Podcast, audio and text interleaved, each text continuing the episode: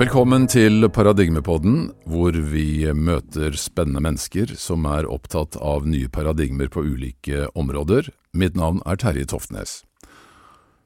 I dag så er vi tre stykker rundt bordet. Ehm, det er Andreas Bjerve, som også har vært gjest i Paradigmepodden tidligere. Og det er Troll Toftnes, som også har vært gjest i Paradigmepodden tidligere. I dag skal vi snakke om et tema som opptar oss alle tre veldig sterkt, og det handler om eh, dette berømmelige temaet som er forkortet med UFO, eller nå også med UAP, Unidentified Aerial Phenomena, eller Unidentified Flying Objects.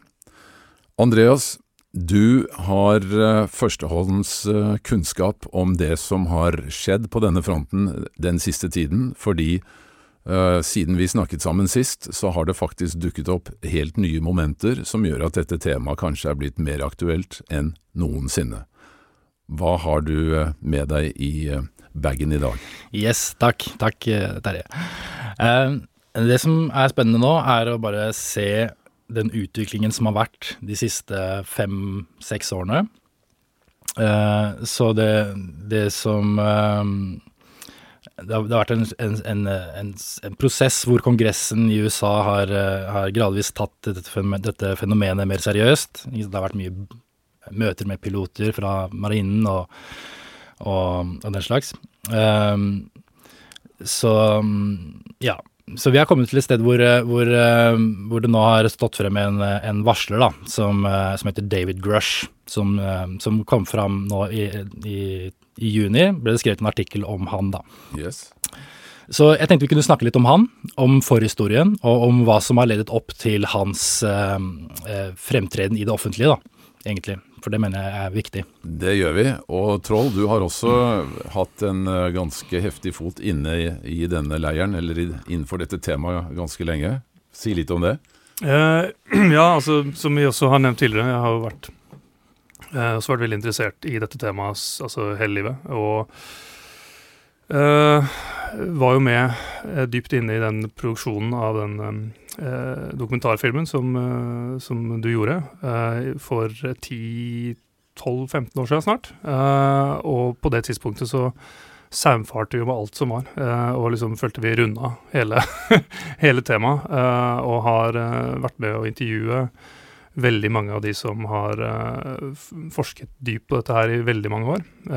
så selv om jeg nok ikke er like oppdatert som deg, Andra, så eh, er jeg litt sånn hakk i hæl for det. Så dette her kan bli en veldig spennende ja, prat. Veldig. Mm.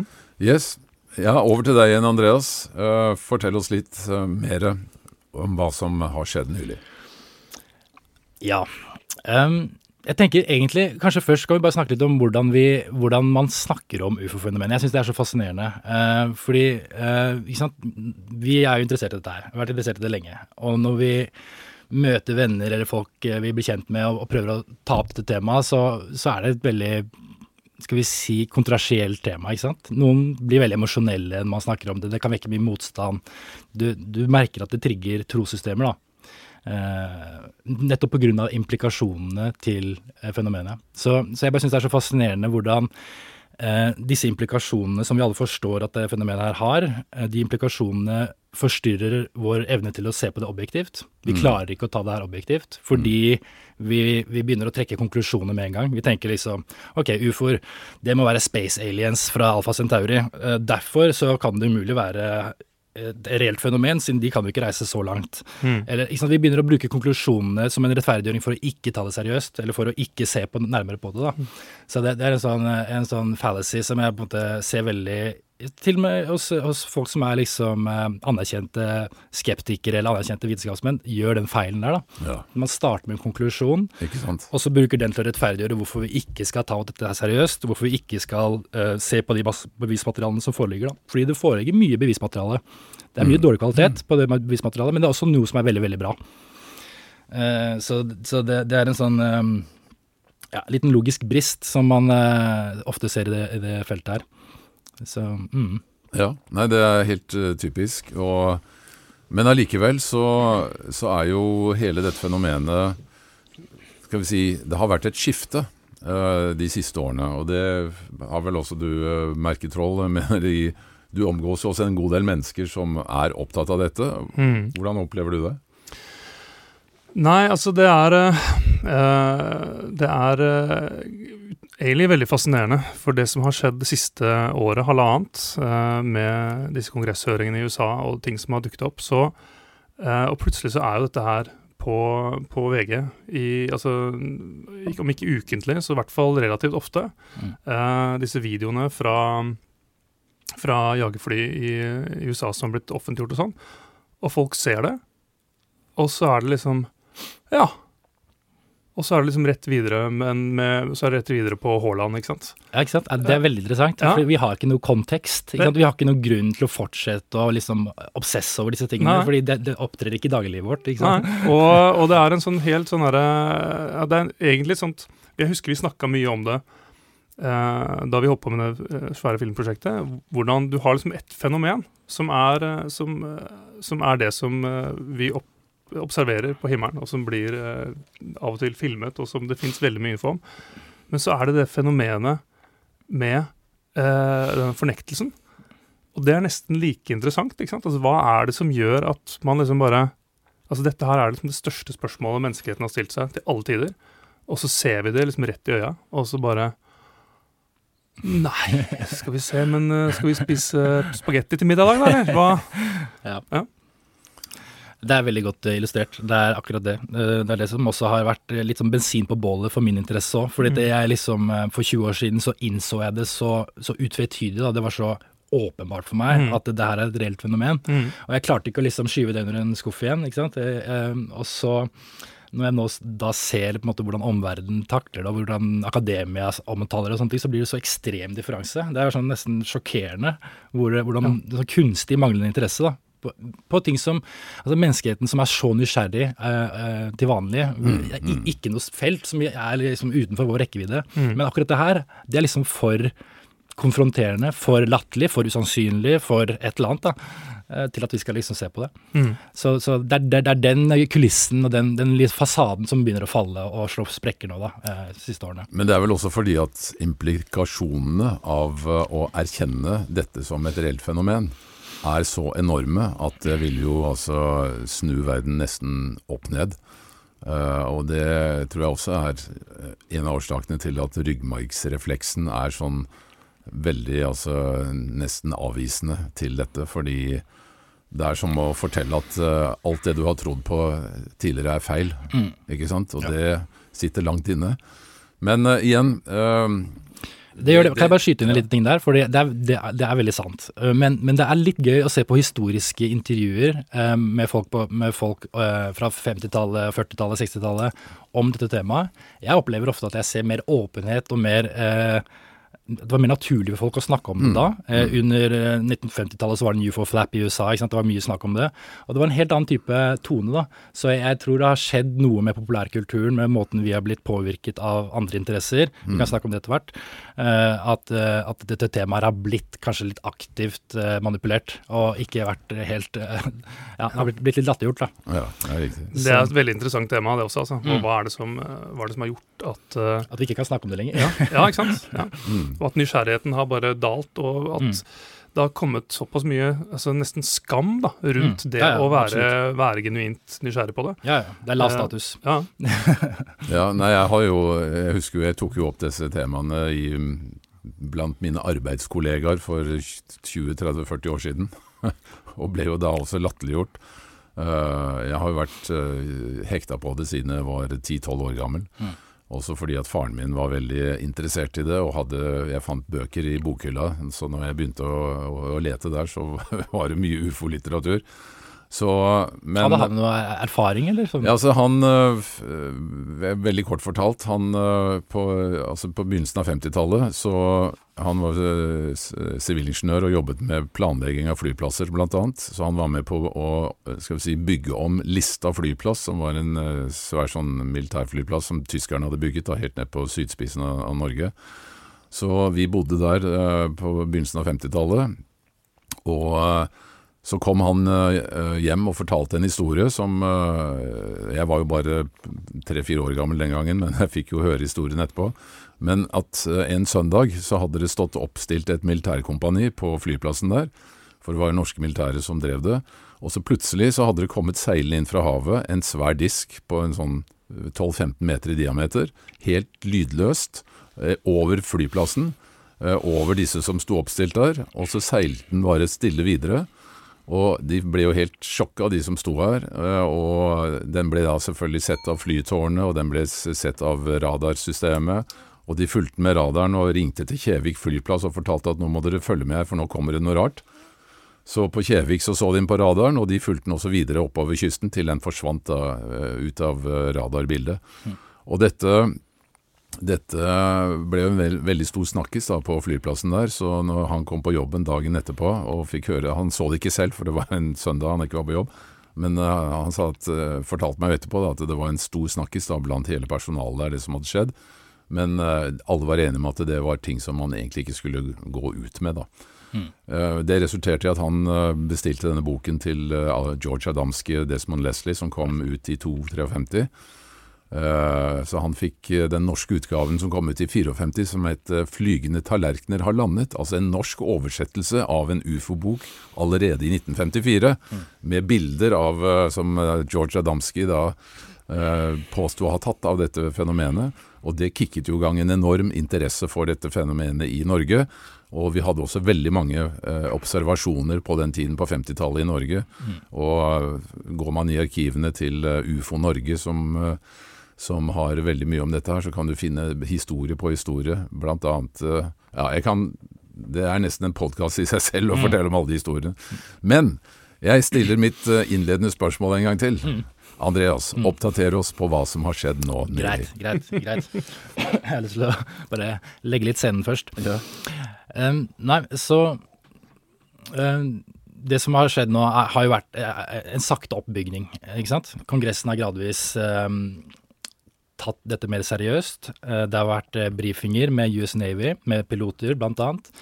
Det har vært um, Altså, det startet jo med den artikkelen i 2017 som Leslie Keane og Ralph Blumenthal skrev, som handlet om dette skjulte ufo-programmet som het Advanced Aerospace Threat Identification Program, hvor Louise Elizondo var direktør. Mm -hmm. Um, så den artikkelen belyste jo dette programmet, og, eh, og, og med, med, med, dette så ble det også fri disse videoene da, som vi har sett uh, til det kjedsommelige nå. ikke sant? Det har vært mye av disse tre videoene fra, fra mm. ja, nettopp, nettopp. vest- og østkysten. Um, tatt fra, fra fly. Så, så, så, det resulterte jo i uh, interesse fra Kongressen. Kongressen etterspurte briefinger, de fikk briefinger. De, de nedskrev uh, lovspråk som krevde opprettelsen av en komité eller en institusjon som heter UAP Task Force. Mm. De fikk oppgave å skrive en rapport om hvordan myndighetene De skulle kartlegge hvordan myndighetene håndterer ufo-data, uh, og, og, skrive en rapport da, til Kongressen om det. Uh, og disse, du merker I denne prosessen her, så merker man ganske tydelig, vi som følger med, man ser at det er, at det er en dragkamp her. Det er, en, det, er, det er, noen faksjoner. Det er en faksjon, uh, et gruppe mennesker, et nettverk om du vil, som ønsker, å, som jeg mener da, ønsker å etablere, prøver å etablere en infrastruktur, politisk infrastruktur, som vil kunne fasilitere det vi kaller disclosure. Mm. Ikke sant? Det, det, er ikke noe man bare kan kaste ut, det her temaet her. Det er, det er komplekst og stort. Mm. og det er, det er ikke sånn at Forsvarsdepartementet eller, eh, eller, presidenten kan bare når som helst bare blørte det ut, ikke sant. Ja. Det, må, det, må, skje eh, gjennom en prosess. Eh, og så må man for det første finne ut hva man i det hele tatt vet, da, for det, Kongressen har jo ikke oversikt i det hele tatt. Mm. De har først nå eh, fått nyss i at det faktisk kanskje finnes noen programmer som ser på dette her, som kanskje ikke de har helt eh, oversikt over. da. Nettopp. Uh, anyway, så, så, disse høringene um, uh, har vært marginale. Har, vært, har, ikke vært mye som har kommet ut av de. Disse rapportene også har vært, har vært en sånn byråkratisk, eh, kunstnerisk eh, prestasjon i å si så lite som mulig. Eh, og, og, dysse det ned så mye som mulig, men samtidig ikke lyve, da. Ikke mm, sant? Mm, mm. De, har prøvd, de, har, de, har virkelig gjort sitt beste for å marginalisere dette her. I, i, I, den første rapporten så har de liksom fem kategorier, og blant de så er det liksom altså du har radarfeil og værfenomen og sånne ting. Og så har du airborne trash, og så skriver de liksom etter airborne trash, så kommer det også noen objekter som ser ut til å utvise teknologi, eh, og som vi ikke helt eh, skjønner hvordan fungerer. Mm. så de gjør det så, så, det mest spennende temaet i verden så uinteressant som mulig. Da. Så, så det, det, det, du merker at det er en dragkamp her. Jeg tror, eller mange i, i, tror at, at, det er altså Pentagon drar veldig på bakbeina og vil si så lite som mulig da, til Kongressen. Mm. Uh, så, men eh, eh, likevel da, så har jo på en måte um, lovspråket utviklet seg år for år. Eh, så, så UAPTF altså det, det ble konvertert om til det som nå heter ARROW. All Domain Anomaly Resolution Office. Og det var fordi UAPTF de, handlet, de, tok for seg anomalier i lufta? Mm, mm. men kun i lufta. Det er lettere å, av, å, å, forklare bort ting når du avgrenser fenomenet til mm. kun luft. ikke sant? Mm. UFO-fenomenet, som vi vet, er i space, det er under vann, det er i lufta, og det er til og med eh, altså nede i vulkaner og i fast materie. Mm. All domains, med andre ord. Så Kongressen tilspisset lovspråket for å, å, å liksom agendaen til dette kontoret da, til å gjelde alle domener. Um, Uh, og de har også for så vidt endret uh, navnet til Unidentified Anomalous Phenomena for mm. å etterkomme mm. det. da. Så um, det også gjør på en måte skåpet litt, litt bredere. Uh, ja, så, så, så, Arrow har også for så vidt hatt en høring nå, hadde en høring nå i mai, som også var mye av det samme. Eh, de sier eh, Men, men de løsna litt mer på slipset der, da, kan du si. For der ble det frigitt noen flere videoer. Mm. En video fra jeg tror det var Irak eller noe, hvor du ser en sånn en, en, en metallisk sfære mm. fly over. Fikk du med deg den? Ja. Eh, og så sier de også sånn en liten bisetning at disse observerer vi over hele verden. Mm. Ok, right.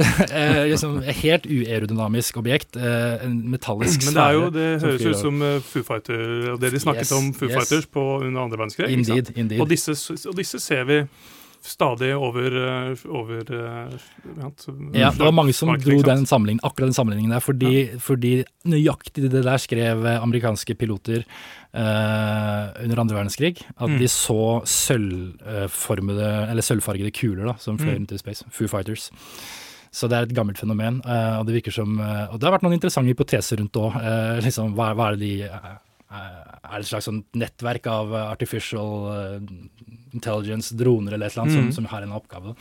Ja, det, er det er spekulasjon. Uansett, da. Det var gøy å se Arrow i hvert fall vise noe. Eh, samtidig så sier de også at de ikke har funnet noe bevis for uh, utenomjordisk uh, intelligens, og mm. uh, ikke sett noe sånn spesielt noe rart her, da, på en måte. Det er konklusjonen deres. Måten, måten han Sean Kirkpatrick, Kirkpatrick um, snakker på, som nå er direktør for Arrow, er, er også veldig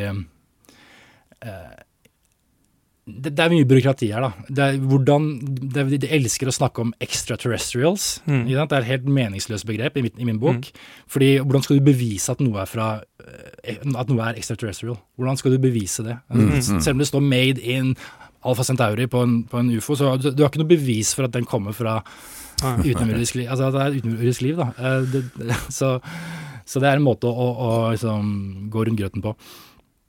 Ja, ok, det her var en lang intro. Poenget er at alt dette her har ledet opp til eh, David Grush, som, som kommer inn som en slags wrecking ball og knuser på en måte veldig mye av den der forsiktige tonen fra Pentagon. da. Mm. Um, Hvem er han? Ja, David Grush er en uh, høyt dekorert veteran. En uh, etterretningsoffiser som har jobbet i uh, Forsvaret i over 14 år. Mm. Har også, også, krigsveteran fra Afghanistan. Um, han har jobbet i NRO og NGA, altså The National Reconnaissance Office og, National Geospatial Agency, Intelligence Agency. To etterretningsorganer, da. Mm -hmm.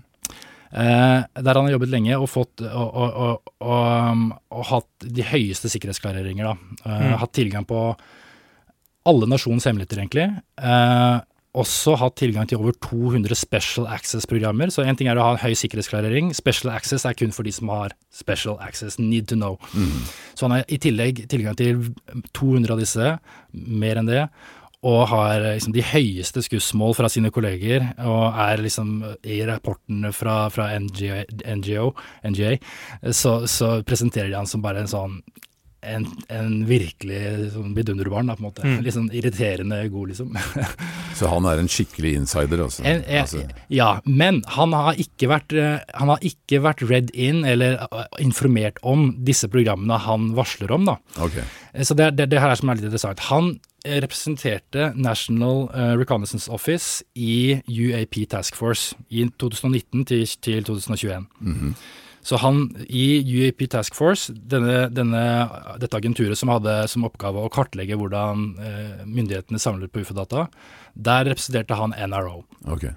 Og i hans kapasitet der så intervjuet han folk fra dette programmet, The Program. Mm. Eh, fordi de fikk ikke tilgang til programmet, utrolig nok. Mm. De som hadde som oppgave å kartlegge dette, de hadde ikke access til dette programmet. Og det var da alarmbjellene begynte å ringe litt. da. Eh, men han fikk likevel tak i individer fra programmet ehm, eh, som han intervjuet. da. Og det var da liksom virkelighetsbildet hans snudde seg på hodet, eh, hvor han skjønte at ok, her foregår det en helt Her er det en skjult infrastruktur som opererer utenfor kongressjonelt innsyn, Mm. Eh, som har pågått i mange år. Mm. Flere tiår. Han er Fox Mulder, rett og slett. Basically. altså, han fikk den uf ufrivillig, den rollen. Ja. Eh, altså, han, ble, han ble jo sjokkert da han oppdaget det, men, men, eh, men så han, han, han fortsetter å grave i dette da, i sin kapasitet i, i UAPTF, eh, og, så rapport, og så um, rapporterer han dette her. Og det her er en del av det lovspråket som Kongressen hadde sagt. ikke sant? Mm. Kongressen hadde sagt finne ut hva som, hvordan data blir håndtert. UFO-data blir håndtert. Og, eh, og så har de også eh, i 2023, altså i år, så det kommet det en, en, enda et addendum, et tillegg til disse lovene, som skulle beskytte varslere. da. Ja. Beskytte folk som er fra innsiden av dette programmet, til å komme fram. Altså de, de, de, de er beskyttet fra å miste sikkerhetsklareringene, miste pensjonen sin, bli straffet, den, den slags. da. Ja, for det har jo vært eh, en, en issue tidligere. Eh, Jeg har jo snakket med folk i militæret i USA, også med eh, både radaroperatører og flygeledere osv., Mm. som sier at nei, dette temaet, som vi alle har vært berørt av på en eller annen måte, det snakker vi ikke om. Fordi eh, it's a true career killer. Ja. Ikke sant? Og ikke bare at du mister karrieren, men du mister pensjonen, som du sier. Altså det, er Ja, ja. Det, det er lagt altså, sånne hindre hele veien for Mm. at mm. dette skal Og det er den milde, det er den milde versjonen, tror jeg. Ja, ja. Eh, og, altså, og, og det som også er litt fascinerende, er at han, han, folk han intervjuet, var folk han hadde vært kollega med og venn med i mange, mange år, som plutselig nå kom fram med hemmeligheten. da. Akkurat. Så det viser hvor godt isolert altså De Ja. gutta her snakker ikke. de holder, altså det, Har du en NDA, så holder du den. Mm. Uh, og Det er for så vidt noe, noe jeg har hørt han eh, tidligere forsvarssekretær Christopher Mellon, som også er ganske aktiv på det feltet her nå, også kommentert det hvor uh, solid uh, hemmelighold egentlig er da, i de kretsene der. Ja. Altså Hvis det, hvis det, der skal, hvis det skal eh, holdes hemmelig og ikke komme ut, så kommer det ikke ut. Det er eh, Nei, men da, det betyr jo at konsekvens, konsekvensen må være så harde, da. At, Ja. eh, fordi Ja, ja, klart. altså, vi er jo, det er jo tross alt mennesker vi snakker om her. Det Ja, er ikke roboter. Det er det, det er det. Og mennesker har følelser, og mennesker kan lekke, og mennesker kan si ting i fylla, for å si det sånn. Mm. Altså, det skal mye til å få så mange mennesker til å ikke lekke en sånn uh, ting, ikke sant. Så Ja. det må være temmelig tøffe konsekvenser. Og så tror jeg vi også må, tror jeg også må bare erkjenne at i, selv om begrepet konspirasjonsteori eh, har blitt veldig, veldig eh, sånn utvanna og liksom eh, touchy, så er jo dette her den ultimate konspirasjonsteorien. For det er jo et eh, Altså, det er ikke, noe, det er ikke tvil om at eh, eh, hvis dette her er ekte, da, det som nå kommer fram, Mm. Eh, så er ikke dette nytt. Det har ikke dukka opp i 2015, liksom. Det, Nei. er, det har vært holdt veldig, veldig, veldig hemmelig i veldig, veldig, veldig lang tid. Og lenge før noe liksom, lovverk var i stand til å regulere det eller beskytte de som eventuelt uh, var en del av det. Mm. Så, så her har det liksom foregått altså Når du snakker om konsekvenser, da, så er det sånn ja, det er kjipt å miste sikkerhetsklareringa, det gjelder pensjonen, Mm. men det er liksom, da er du heldig. Det er det, ja. Så, så eh, fordi at uh, Vi kan jo gå inn på det etterpå også, men eh, spesielt i USA da, så er det jo en ekstremt sånn flytende overgang mellom, mellom stat og private næringsinteresser. Mm. Og veldig mye, av, eh, veldig mye av makten i disse hemmeligholdte programmene har jo ligget på den private siden, langt utenfor hva myndighetene egentlig har kunnet kontrollere. Um, så, um, ja, nei, så det er også en annen greie ved det, ikke sant? Mm.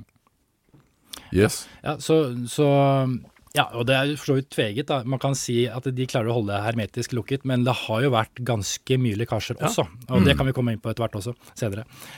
Men Eh, grunge. Ja, David Grunge. David Grunge. David Grush, mener jeg. Grush, yes. Um, jo, så han rapporterte da til altså, Og dette her var det som var skrevet ned i loven at man skulle gjøre. Han, eh, hvis man liksom oppdaget den slags aktivitet, så skulle man rapportere det innen 72 timer. Det står veldig konkret eh, Mm. skrevet, da.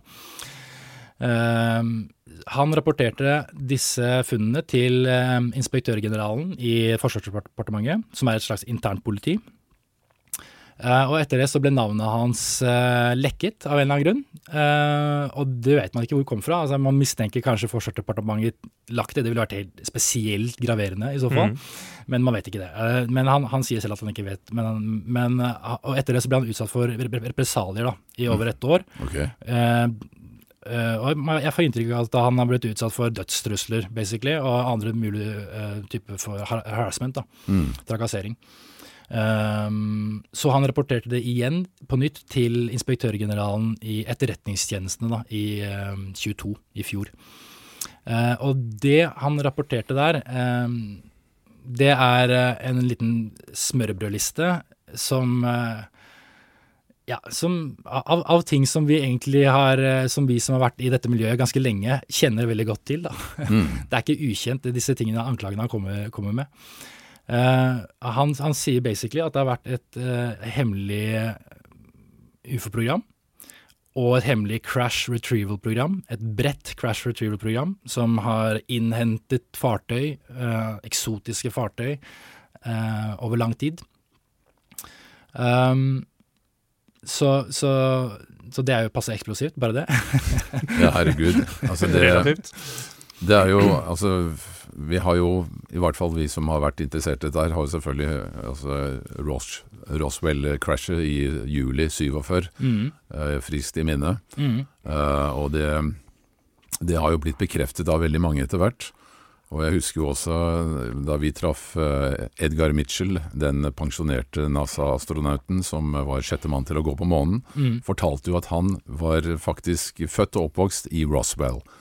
Og faren hans, som var en veldig god venn av eh, byens eh, Han som drev byens begravelsesbyrå, The Undertaker, han hadde fortalt at, til faren til Mitchell at etter denne, dette såkalte krasjet, som, eh, som myndighetene da ganske fort eh, prøvde å bortforklare med at det var en værballong, eh, rett i etterkant av det så hadde han fått bestilling på eh, fire små likkister. Som eh, da så ut som det var barn som skulle begraves. mm. Men de, den bestillingen var kommet da direkte fra de militære myndighetene i området. Så, um, og ryktet sier jo da at uh, det var fem sånne ETs, da, eller sånne extraterrestrials, Mm. Som uh, ble uh, funnet da, i dette krasjet, hvorav fire av de var døde, men én overlevde. Så det er jo, og, og denne som overlevde, skal i- da i ettertid ha levd en del år i amerikansk fangenskap, og Mm. også kunne bistått med en god del uh, informasjon om tekniske uh, fast, altså, ting da, som, okay. uh, som man kunne nyttiggjøre seg. Men la oss, ta, en liten digresjon på, på Roswell, for Roswell er, er, er, det er interessant, ikke sant? For det er, det er her det er startskuddet er, Mm. mer eller mindre. Det er, det er, det er noen rykter om noen tidligere også, men, Mm. men bare sånn hypotetisk, la oss si du ikke, du trenger ikke engang tro på ufoer i gåseøynene, eller ta dette her seriøst, men bare hypotetisk, se for deg at det kommer et superavansert fartøy mm, som bare invaderer luftrommet, sensitivt luftrom, over militære fasiliteter, Hvor de lagret atomvåpnene som, som var utvikla under krigen. Rett etter andre verdenskrig, ja, ikke sant? Ja, to år senere. Det er liksom det er, ja, det var, ja, det er to år etter at de hadde sluppet, eller testa Trinity første gang. Mm, mm, mm. Hva, skal, hva skal de gjøre hvis det krasjer en sånn i bakgården din? Eh, du har potensielt et eh, kanskje er det et, na et hemmelig nazivåpen, eh, det Wunderwaffe som Mm. Hitler var ute etter. Uh, altså, hvem vet hva, hva som kan Eller er det russisk, ikke sant? Altså, de, de må jo ha alle mulighetene å åp- åpne. Jobben til et, disse folka her er å være megaparanoid, Mm. og i etterkrigstiden så var ikke det så veldig vanskelig. Nei. Så, så er, det, er ikke, det, er, ikke- det er ikke rart at uh, de valgte å kjøre en, en løgn om dette her. Eh, de må, altså Man må uh, De måtte det, basically. Mm. Og det er jo absolutt rettferdiggjort. Men, men uh, ironisk nok så var jo, som du vet, overskriften dag én mm. til uh, Roswell Air Force var liksom 'Flying Disc Recovered'. Og det var liksom det siste ærlige ja. de har sagt. Ja, det var det avisen, altså Lokalavisen var det som, som Ja, for det, var vel, det var vel sikkert en eller annen som mm. ble intervjua, da. ikke sant? Som ja, da, var, før han hadde fått beskjed om at Og yes. det er også en greie, ikke sant? Altså, vi, Major vi, Jesse Marcel var ja, det som ble intervjua der. Det var jo visstnok en bonde som fant dette først. Ja, ja. Uh, og uh, når vi først snakker om dette crashet, så fortalte jo Stephen Greer, da vi møtte han, en av de mest kjente ufo-forskerne i USA, at årsaken Altså man kan spørre seg hvorfor krasjer en ufo? Eh, med den vanvittig avanserte teknologien de har, så fortalte han at eh, på, i dette området så var det også rett i nærheten av der hvor de prøveskjøt raketter. Eh, som, fordi de hadde fått tak i Werner von Braun, altså den, han som drev det tyske rakettprogrammet under krigen. Han var jo da fraktet til USA etter krigen, mm. og fikk i oppgave å utvikle eh, raketter altså for amerikanske eh, altså myndighetene. Og det de hadde gjort da, var at de, eh, når de testet disse rakettene, så måtte de følge dem med radar for å se hvordan de fungerte oppover i, i atmosfæren. Så amerikanerne hadde bygget altså en ekstremt kraftig radar. Altså Radar var jo noe som engelskmennene engelskmenn utviklet under krigen. Et fantastisk eh, nytt verktøy. Men amerikanerne hadde videreutviklet dette til en utrolig sånn kraftig radarstråle. Og så sier Greer at når disse ufoene, som da sirklet rundt der, for de var Altså her hadde først eh, den vår sivilisasjon klart å starte en krig som utslettet 1100 byer og 10 millioner mennesker. Og så i kjølvannet av det så finner vi altså et våpen, et masseutslettelsesvåpen, som kan fraktes ut i verdensrommet på raketter. ikke sant? Det er klart det var ekstremt interessant for de som eventuelt uh, fulgte med på hva som skjedde her. Så, uh, når de, men når de kom inn i denne radarstrålen, for de sirklet rundt deg, sier Greer, så påvirket det da, disse si, navigasjonssystemene i disse farkostene, slik at de gikk i bakken. og det er Roswell-crashet er jo det mest kjente, men det er jo også uh, rykter som sier at det var flere sånne crash, altså at det var en fire-fem stykker. Ja. Uh, men eh, ok, det ble en uh, liten digresjon. Ja, kan, det passer bra, det. For vi kan gå tilbake til denne mm, lista til David Grush. da. Ja. Uh, for han, David Grush, han, det, det, var en artikkel som ble skrevet da om denne uh, anmeldelsen. ikke sant? Han har stått fram, og, og um, det kom en artikkel i The, The Debrief i, nå i begynnelsen av juni. Og så gjorde han også et intervju med journalist Ross Coltart, som har vært på um, gjort en dokumentar blant annet om ufoer og fulgt med veldig mye på temaet i det siste. da. En, en australsk prisbelønt eh, journalist, faktisk. En veldig, veldig dyktig fyr. Han gjorde et, eh, et intervju med, med, David Grush for News Nation, en, en liten kanal. Um, så, så, i dette intervjuet så, så, så spør han uh, hvor mange crafts er det man har, blitt hentet inn? Han sier 'quite a number'. okay. I senere intervju fra en annen journalist som heter Schellenberger, eh, som er også en veldig dyktig journalist, litt sånn miljøaktivist og sånne ting, men han, han var interessert i det temaet, han òg. Han fant flere kilder som bekreftet det tallet, eller altså at det var mange, da. Han, mm. han sa minst tolv. Uh, og uh, videre så, så, snakker han om at uh, det har vært et program for å prøve å rekonstruere teknologi fra disse faggassene. Mm, mm. Um, de har analysert uh, materialene, selvfølgelig, og gjennom an analyser av liksom, isotoperatioen og, forskjellige kvaliteter ved metall og sånne ting. Så, så, det kan vi snakke om etter hvert, men, men, for det er veldig interessant. Mm, de tingene der. Mm. Men, men, så ut fra disse tingene så har, de, så har de konkludert med at det her er ikke menneskelig. da. Mm. Og det, det, er en viktig ting egentlig i det feltet her, og det synes jeg, jeg er veldig nøye med å si ikke-menneskelig. Jeg sier aldri utenomjordisk. Vi har ingen mm. bevis for at dette er utenomjordisk. Jeg tror ikke det er utenomjordisk. Eh, jeg, er veldig for, altså, jeg, jeg, er veldig forsiktig med å trekke konklusjoner, fordi det er så fort da, å, mm. hoppe til konklusjoner. Så, så, og, og vi vet ikke hvorfor de krasjer som du sa. Altså, kanskje, kanskje, var det den radaren, kanskje ikke. Mm. Um, og vi vet ikke hvor altså Greit, de er veldig avanserte, åpenbart, disse farkostene. Uh, men vi vet ikke om er, er det kanskje kunstig intelligens som styrer de? Er det, er det, er det milliarder av de? Er det mm. x promille av de som krasjer, kanskje? Mm. Det, mm. det, vet vi jo ikke. Mm. Uh, vi aner ikke hvilken hvilken, type fysikk som er involvert her, og den er tydeligvis ganske eksotisk når man, når man ser på disse materialene som uh, eh, ja, er veldig avanserte. da. Det, Ja, og bare eh, måten de beveger seg i luftrommet på også, som, Ja. er, som ikke har noen ting med aerodynamikk å gjøre. Nei, og, og, men det som er litt sånn paradoksalt, er, ikke sant, er at vi, vi vet, fysikken vår vet jo faktisk mye om hvordan det her kan fungere. Mm. Vi kjenner til eh, relativitetsteorien og, og at spacetime har struktur som kan manipuleres. Mm. Det er liksom mainstream knowledge, det nå. Mm.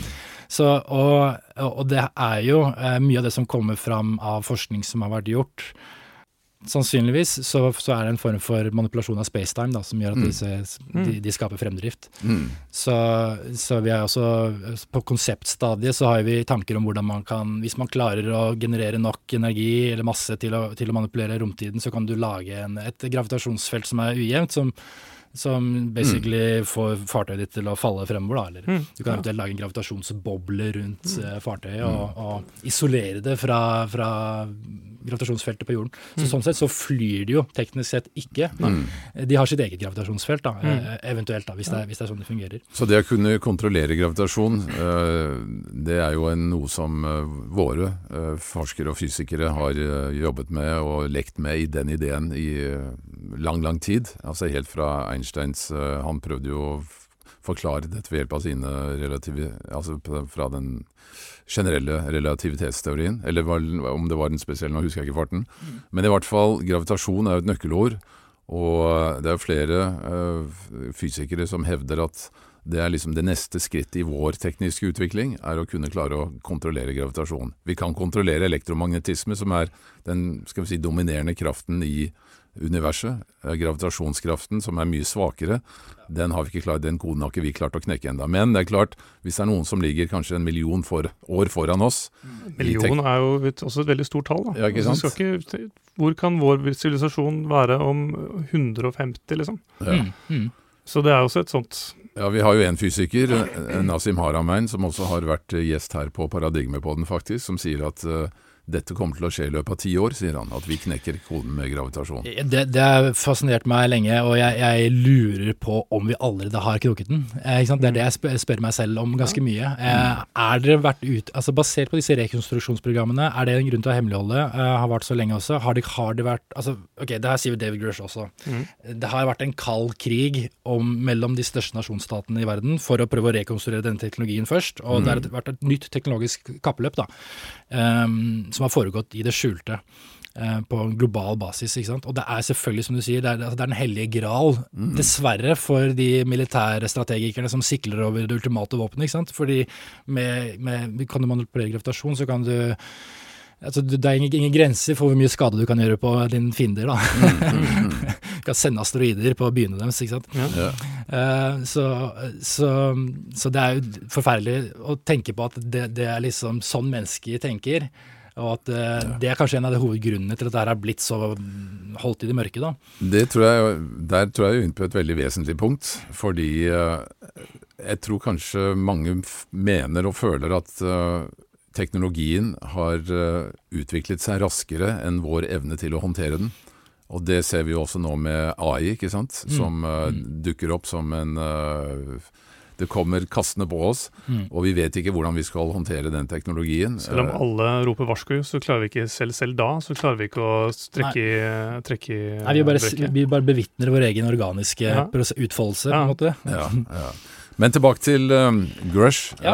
Uh, altså, dette må jo Jeg har jo sett også noen uh, nyhetssendinger fra USA på diverse mediekanaler der, Mm. som slo dette opp når, uh, når denne katten var ute av sekken, for å si det sånn. Ja. Eh, hva, har, eh, hva har skjedd etter det? Det er veldig interessant. Og det, det her er mye. Det er mye på en gang. Det er Første, første instinktet er vantro, ikke sant. Eh, For nesten, for, altså, til og med folk som har fulgt deg lenge. Det er, det er på en måte sjokkerende å, komme, å få det så opp i fjeset, og så nære, og så å forstå hvor virkelig det er. da. Og det er et veldig mørkt tema. For det er jo en tragedie, eh, hvis dette er sant, at det her har blitt holdt hemmelig i, i 70-80 år Mm.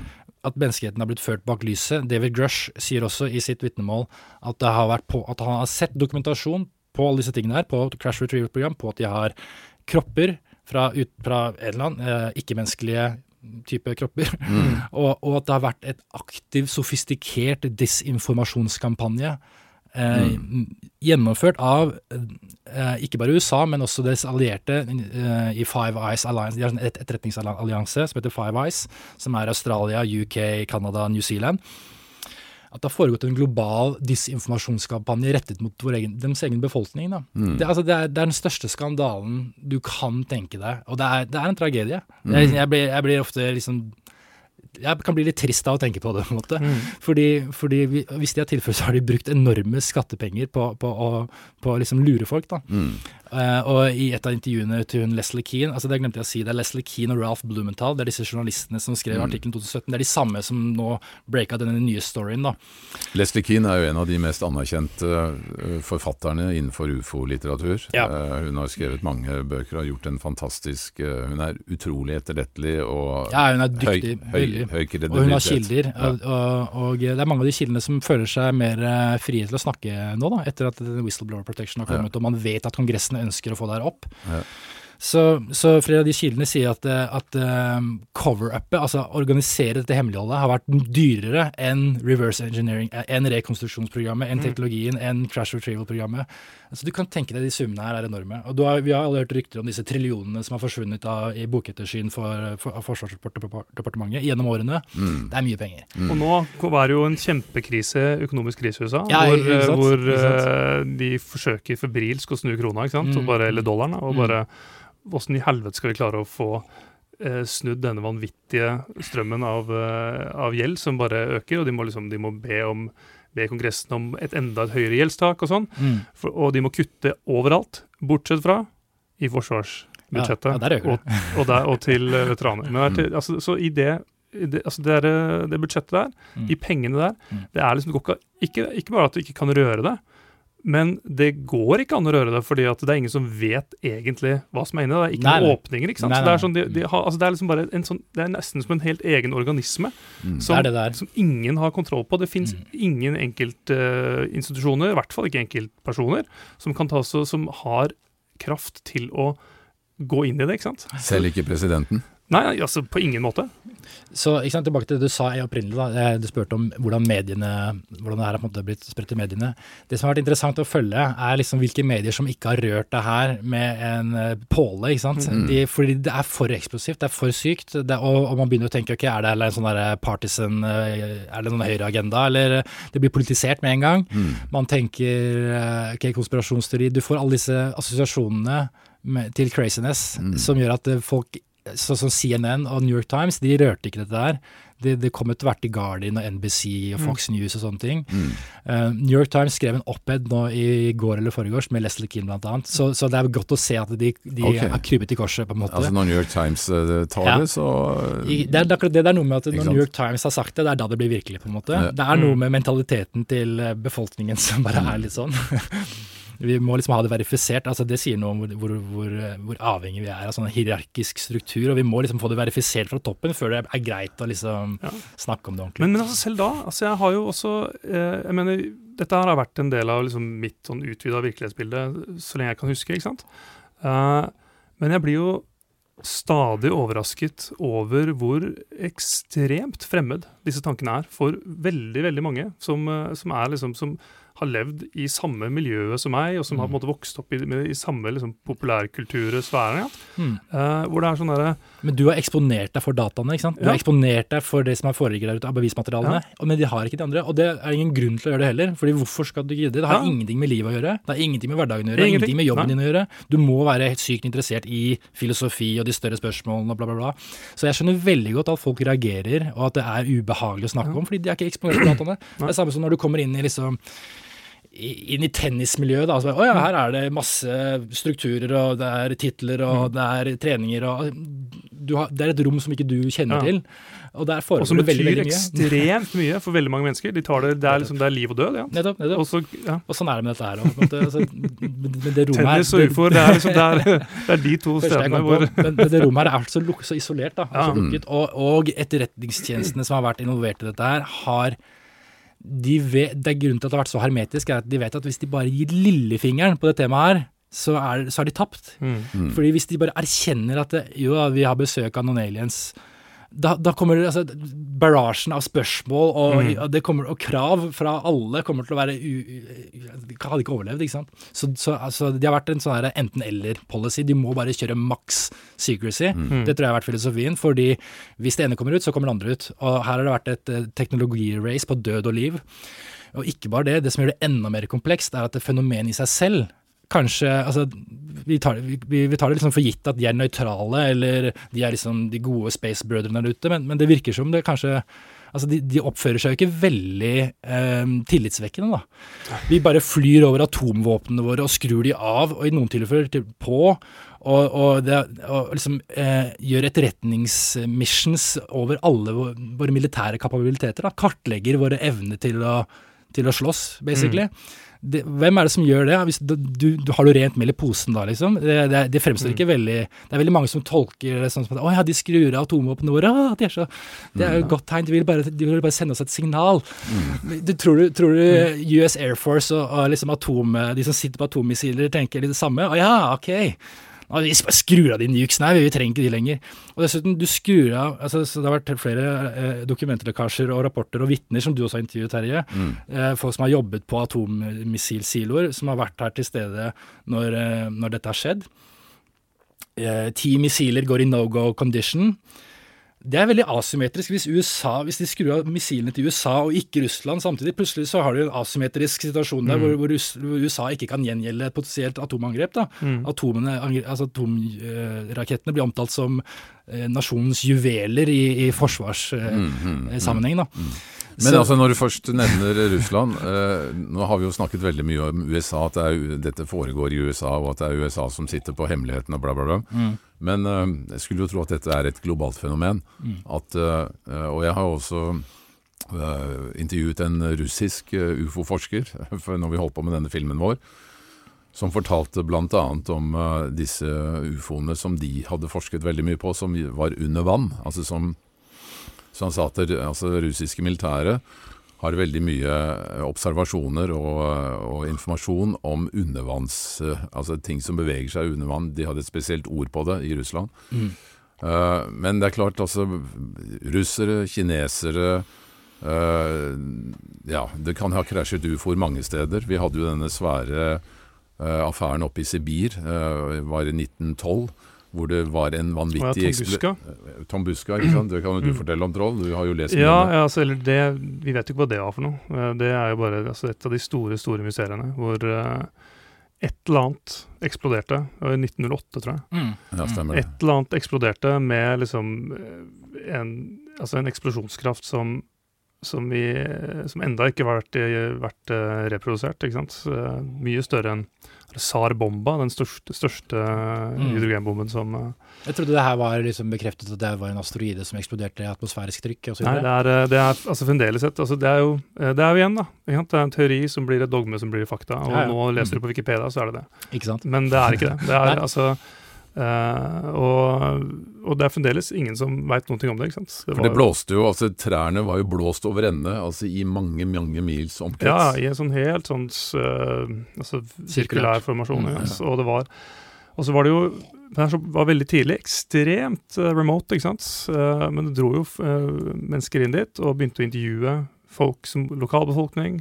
Og der har jo folk sett ting som har fløyet over himmelen som ikke er asteroide. Liksom. Det, er ikke, Mm. altså, det, er ikke, det er ikke det folk har sett. Mm. Men det var først liksom eh, ett år, tre år, ti år seinere så, var det liksom, så var det ordentlig, ble det ordentlig gjort ordentlig forskning på det. Ekspedisjoner inn dit. ikke sant? Mm. Så, men, det er, men det er jo en helt side Altså det er jo uendelige sånne historier. Mm. Uendelige sånne historier. Ja, nei, så det, Dette fenomenet, altså det at vi liksom USA er så mye i fokus, er vel også kanskje fordi at eh, USA er, eh, i hvert fall når vi snakker om disse to andre landene, da, Kina og Russland, så er USA mye mer åpent. da. Det er det. Og så snakker du engelsk. Og så Som snakker at det er engelsk. lettere for oss å lese se videoer og lese rapporter på internett. Ja, jeg tror det. Jeg tror det men jeg, jeg tror også at det har mye med at det er åpent, åp, mer åpent samfunn å gjøre. Og jeg, eh, som jeg nevnte, da eh, den situasjonen her er ikke, er ikke veldig enkel. Den er veldig kompleks. Det er veldig forståelig at Mm. eh, etterretningstjenester har lyst til å holde deg hemmelig. Veldig, veldig forståelig. Mm, mm. Først og fremst må du kartlegge hva i helvete er det som foregår her. Hva er det disse her folka vil? Er det en trussel mot eh, menneskeheten? Er det en trussel mot den amerikanske befolkning? Selvfølgelig først og fremst. For dem, da. Eh, Så selvfølgelig måtte du holde det hemmelig når det krasjer en eller annen advanced eh, vehicle i bakgården på i, i New Mexico. Og, og påfølgende eh, krasj har selvfølgelig raskt blitt hentet inn for av et, et, etterretningsformål, teknologiformål. Du er nødt til å prøve for å forstå hva situasjonen her er. da. Mm. Og de har forstått en del, tror jeg. Det får du inntrykk av i det David Grush sier. Eh, For David Grush nevner at eh, han kaller det non-human vehicles. Eh, og eh, og eh, de, det virker som det har vært spekulasjoner i at de kommer fra en annen dimensjon. da, En parallell uh, romdimensjon. Mm. Det er noe fysikere også snakker mye om. Um, selvfølgelig, og det har jeg lest- om, man leser jo det utallige ganger. Og det er også en sånn liten sidegreie der. Fysikere har så mange interessante teorier. Det er parallelle tidslinjer, parallelle univers, multivers, superstringer med tolv dimensjoner osv. osv. Men, men med en gang de blir eksponert for liksom det eksotiske da, som ufoen representerer, så er det sånn eh, blank. det er for strange. Uh, du snakka akkurat om liksom, tre separate tidslinjer, som, eller, eller eksempel Many World-hypotesen, hvor det er liksom hvert lille kvantekollaps som skjer, så, så, oppstår, så oppstår det et nytt univers. altså det er, vi, vi kjenner ikke til universet vårt. da. Vi, vi, det er så mange muligheter her. da. Nei, vi driver jo og pirker i overflaten. Vi driver og pirker i overflaten. Men det, det fenomenet det du snakker om nå også, veldig interessant. hvordan, hvordan på et sånn teori, eh, teoretisk plan så kan man liksom tillate seg å snakke om altså, ting som er så eksotiske at du kan ikke, altså, det er ingen som kan eh, forholde seg til det. Mm. Men med en gang noe begynner å bli håndfast, Nettopp. da blir det plutselig bare Det tar man ikke i. Og da er det bedre for karrieren å bare si nei. Det er det dummeste jeg har hørt. Ikke sant? Eh, altså, et annet tema her som også kunne vært veldig interessant å snakke om, er jo denne Oumuamua.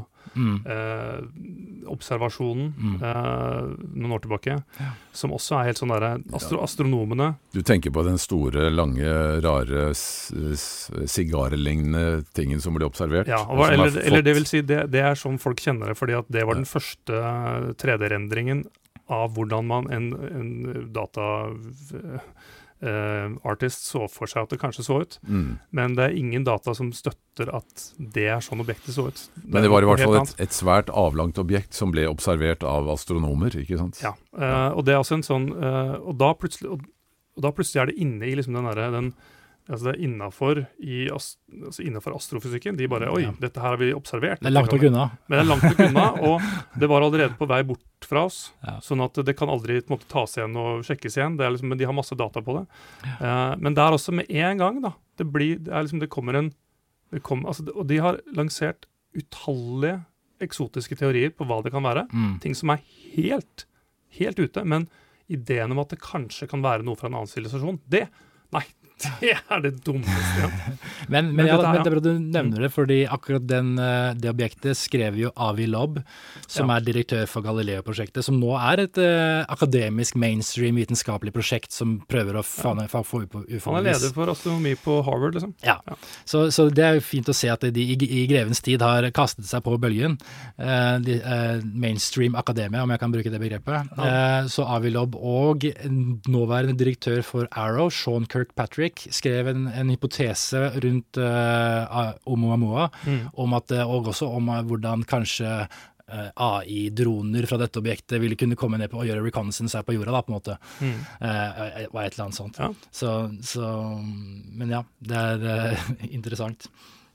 Men AI-droner, altså Det er også litt sånn typisk at vi prøver å forstå eh, altså denne teknologien ut fra vår, vår, egen, vår egne tekno teknologiske rammer, Ja, ikke sant? ja. Uh, altså AI kaller vi det. Altså om uh, 500 år så er det ikke noe som heter AI lenger. Da er det bare en del av et integrert system i vår kultur, ikke sant. Mm.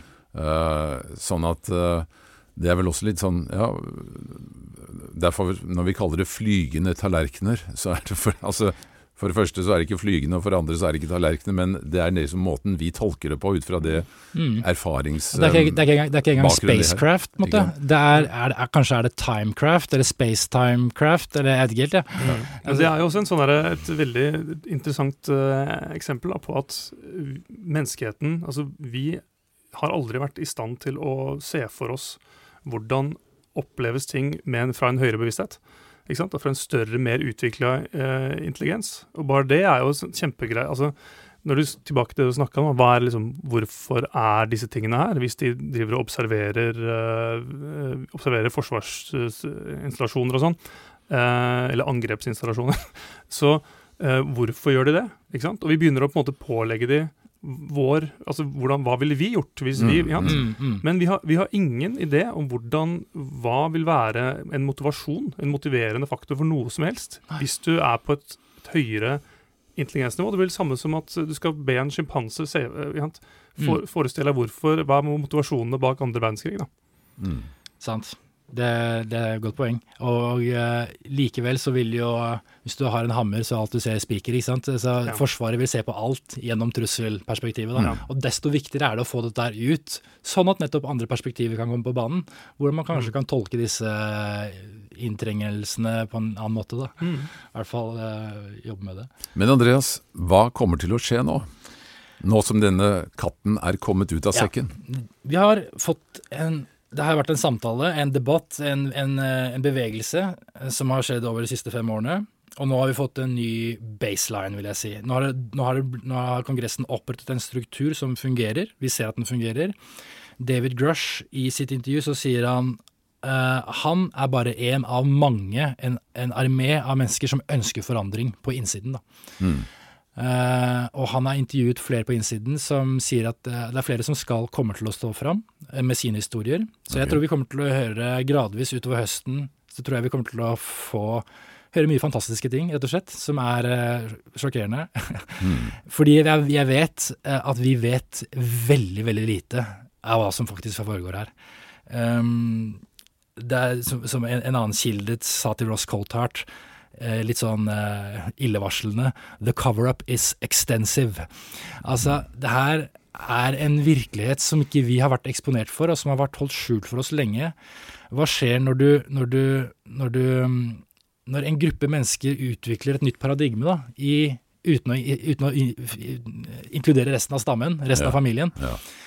Eh, det, hva de har, som har foregått bak lukkede dører her, er på en måte, det er veldig, veldig vanskelig å forestille seg. Ja, Det men, som Richard Dolan, altså kjent uh, yes. utforsker, kaller for the breakaway society. Breakaway Eller breakaway civilization. Mm, mm. Altså, hvis plutselig en liten, lukket gruppe med individer får denne teknologien og får tilgang på den, mm. og kan utforske det allerede for 60-70 år siden, hva, hva, har skjedd med de menneskene og den lille gruppen der? Ja. Det er, akkurat det, er, det er litt forstyrrende å tenke på. Fordi. Og hva vet de om fenomenet? Hva vet de om denne situasjonen? Fordi det er det som jeg får inntrykk av. Det her er ikke bare et nøytralt fenomen som ikke har noe med oss å gjøre, omtrent. Altså, det er en situasjon her mm. som foregår, som involverer dem, og som involverer oss. Vi deler samme planet, kanskje på et eller annet vis. Eh, og for så vidt bare en rask digresjon til våre teorier om gravitasjon da, eh, og, og, og parallelle romdimensjoner. I M-theory, eller string theory, så, så, snakker man jo om gravitasjon som den eh, forenende eh, naturkraften er. Som, vi vet at gravitasjon er veldig svak i forhold til den elektromagnetiske kraften. Mm. Man har alltid lurt på hvorfor det er tilfellet. Hvorfor er det ikke symmetrisk? Mm. Eh, du, er, du, kan prøve det selv med en kjøleskapsmagnet. Du, du, vinner over tyngdekraften men hvis du tar en binders. Mm. Så tyngdekraften har ikke sjans, selv om mm. planeten er ganske mye større enn den magneten. Mm. Gravitasjon er veldig svak.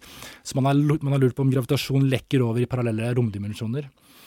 Uh, og Det er jo interessant at disse fartøyene manipulerer gravitasjon. Kanskje de klarer å transportere seg fra parallelle dimensjoner som er felles, kolokalisert her på jorden, mm. uh, over til vår dimensjon. da. Mm. Kanskje er det de fartøyene brukes til. Men uansett, vi er i en situasjon her hvor, hvor det er en tilstedeværelse av en ikke-menneskelig intelligens som holder på med noe. Altså Vi vet det er hotspots i havene utenfor på vestkysten og kysten av USA og andre steder på jorden, hvor man ser ufoer gå inn og ut av havene. Mm. Og, og, dette er dokumentert? Det er dokumentert. egentlig. Ja. Man filmet har, radarobservasjoner visuelt. Piloter, ja. Pilotene, sånn som Ryan Graves og sånne ting som fløy på østkysten, de, de, sier at de så disse her hver dag i flere år. Mm. Ikke sant? Hver dag. Tenk deg hvor mye data de har, da. Mm. Og det må, det må, liksom bare Det kan ikke understrekes nok. fordi at vi kan, vi kan, snakke om det, vi kan referere til disse videoene og sånn og sånn, og sånn men mm. de aller fleste igjen da, som jeg snakker med om, de er fremdeles sånn herre Ja, OK, hva er til middag? Ikke sant? Mm. Men det kan ikke understrekes nok. Dette her er altså, så langt vi kan stole på noe som helst, da. Mm. Noe, mm. hvis, hvis, vi kan stole på noen kilder i det hele tatt, så er dette her helt reelt. Det er mm. helt reelt. Ja. Det er helt, Og det, er, og, det, og det, å få all den informasjonen her i en sånn tsunami kan være ganske overbelastende. Da. Ja. Det er derfor jeg veldig sånn ivrig på å komme på podcaster og snakke om det og, og, og, lage litt debatt om det i Norge og sånn også, fordi Norge er et veldig sånn sauland, mm. ikke sant. Uh, og, det er, det, er, viktig å, å, begynne å snakke om det, fordi mm. vi kommer til å bli eksponert for en, en, virkelighet som er større enn vi noen gang har fattet og tørt, tørt å spekulere på en gang, vil jeg tro. Mm. Mistenker jeg, da. Jeg tror ikke det kommer til å skje på en dag. Jeg tror ikke det her er gjort på et halvt år eller et år. Eller, jeg, jeg tror vi kommer til å jobbe med dette her i lang tid fremover, men jeg tror vi har kommet inn i en ny fase nå hvor vi vil høre mer. Det vil, det vil bli mer eksplisitt hva som har foregått. Eh, veldig mye kommer fremdeles til å være klassifisert, selvfølgelig. Vi kommer aldri, i hvert fall ikke ennå, til å få vite detaljer om teknologien og alle disse her som har militærstrategiske implikasjoner. ikke sant? Mm. Jeg ser for meg kanskje en vakker dag i fremtiden Kanskje vi kan gi amnesti til de som har begått kriminelle handlinger, for å stå ja. fram. For å? Kanskje vi kan involvere FN for å lage resolusjoner som gjør at vi kan benytte oss av teknologien til gode mm. formål, da, og ikke bare ha en sånn herre jeg må deg-bevissthet. ikke sant? Mm. At vi faktisk kollektivt utvikler oss til et nivå hvor vi er modne nok til å benytte oss av fri energi, gravitasjonskontroll, ting som vil revolusjonere sivilisasjonen vår. Vi vil transformere sivilisasjonen vår til en helt annen type sivilisasjon, mm. som ikke vi kan kjenne igjen. Men, men, ja, der, yes, der, der det, tok du også et uh, poeng som, uh, som uh, vi ikke har nevnt her, og det er denne energiteknologien. Mm. For én ting er liksom kontroll av gravitasjon og de tingene der, men altså denne energiteknologien som disse fartøyene på en eller annen måte eh, er i stand til å manipulere, eller til å benytte seg av, eh, er nok på et litt annet nivå enn fossilt, altså fossilt brensel. Det er ikke, det er ikke rakettbensin. Liksom. Det er ikke det. ass. Det er ikke det. Uh, De avgir ja. ingen signaturer. ikke sant? Det er, det er et av kjennetegnene. Og der, og der, er det også et altså Det er jo et enormt tema, ikke sant. Fordi at vi, vi, vet jo, altså, vi vet jo at det er de samme eierstrukturene eh, i det store, store energiprosjektet eh, rundt på kloden som det er i de store militærteknologiske eh, industriene. ikke sant? Eh, det er de samme pengene som eier de ulike strukturene. Og veldig, veldig veldig, veldig mye av disse store, eh, store industriene finansieres jo også av inntekter fra fossilt brensel. Og hvis du da, la oss si da, at noen for 70 år siden oppdaget en energikilde som ville gjøre all oljeindustri og gassindustri på jorden eh, på en måte overflødig, overflødig mm. eh, over natta, mm. så er det ganske heftige økonomiske incitamenter til å bare holde det lukket, liksom. Mm. Og det er også når du snakker om at man blir trist av å mm. tenke på hva som eventuelt har blitt holdt skjult da, mm. i 70-80 år. ikke sant? Ja. Hva om hele, hele verdens energiforsyning eh, kunne vært endret på 50-tallet? Det er begrepet disruptive technology. Mm. Destabiliserende teknologi. Mm, mm. Eh, det er klart, altså Mennesker er fine dyr, altså, men altså, politikk kommer først. Mm. Politikk og maktstrukturen. Eh, vi er søkende, og vitenskap er fint, men, men, men, men alltid så er det politikk først. Mm. Og foran det igjen så har du bedriftsøkonomi. ja, økonomi. så se, se, for deg, eh, det, det, er også noe som har vært diskutert av Louis Elizondo, bl.a., han tidligere direktøren da, for det UFO-programmet som het ATIP. Han snakker litt om hvordan i starten, etter Roswell, etter disse første krasjene som skjedde i USA, at uh, teknologi ble du nevnte også det, det blir skjøvet litt over i private sektorer. da. Uh, vi vet at, uh, et navn som ofte kommer opp i den bransjen, en kontraktør er Lockheed Martin. Mm. En enorm bedrift med ekstremt mye kunnskap og kompetanse som utvikler avansert teknologi. At, altså de har, og disse forgreningene fra inn i det private, hvor de har sånne special access-programmer hvor de jobber med teknologi i, i den private sfæren så kan du tenke deg at Lockheed Martin gjør teknologiske gjennombrudd og, og, og um, har en ekstrem fordel, selvfølgelig, en latterlig fordel overfor andre selskap. Det blir en ubalanse der. Mm. Eh, som vil skape konkurranse, og kanskje også nå, nå som det her kommer litt mer frem, vil kanskje skape press fra andre organisasjoner, som også gjør det vanskeligere for hemmelighold å, å holde strukturen. da. Eh, men, men de, de, alliansene som har skjedd med det private der, er, er for så vidt også veldig uetiske, med, med tanke på David Grush også nevner dette her, at, at, de kan ha utviklet teknologi som de så selger tilbake til US government for en ekstrem profitt, ikke sant. Mm.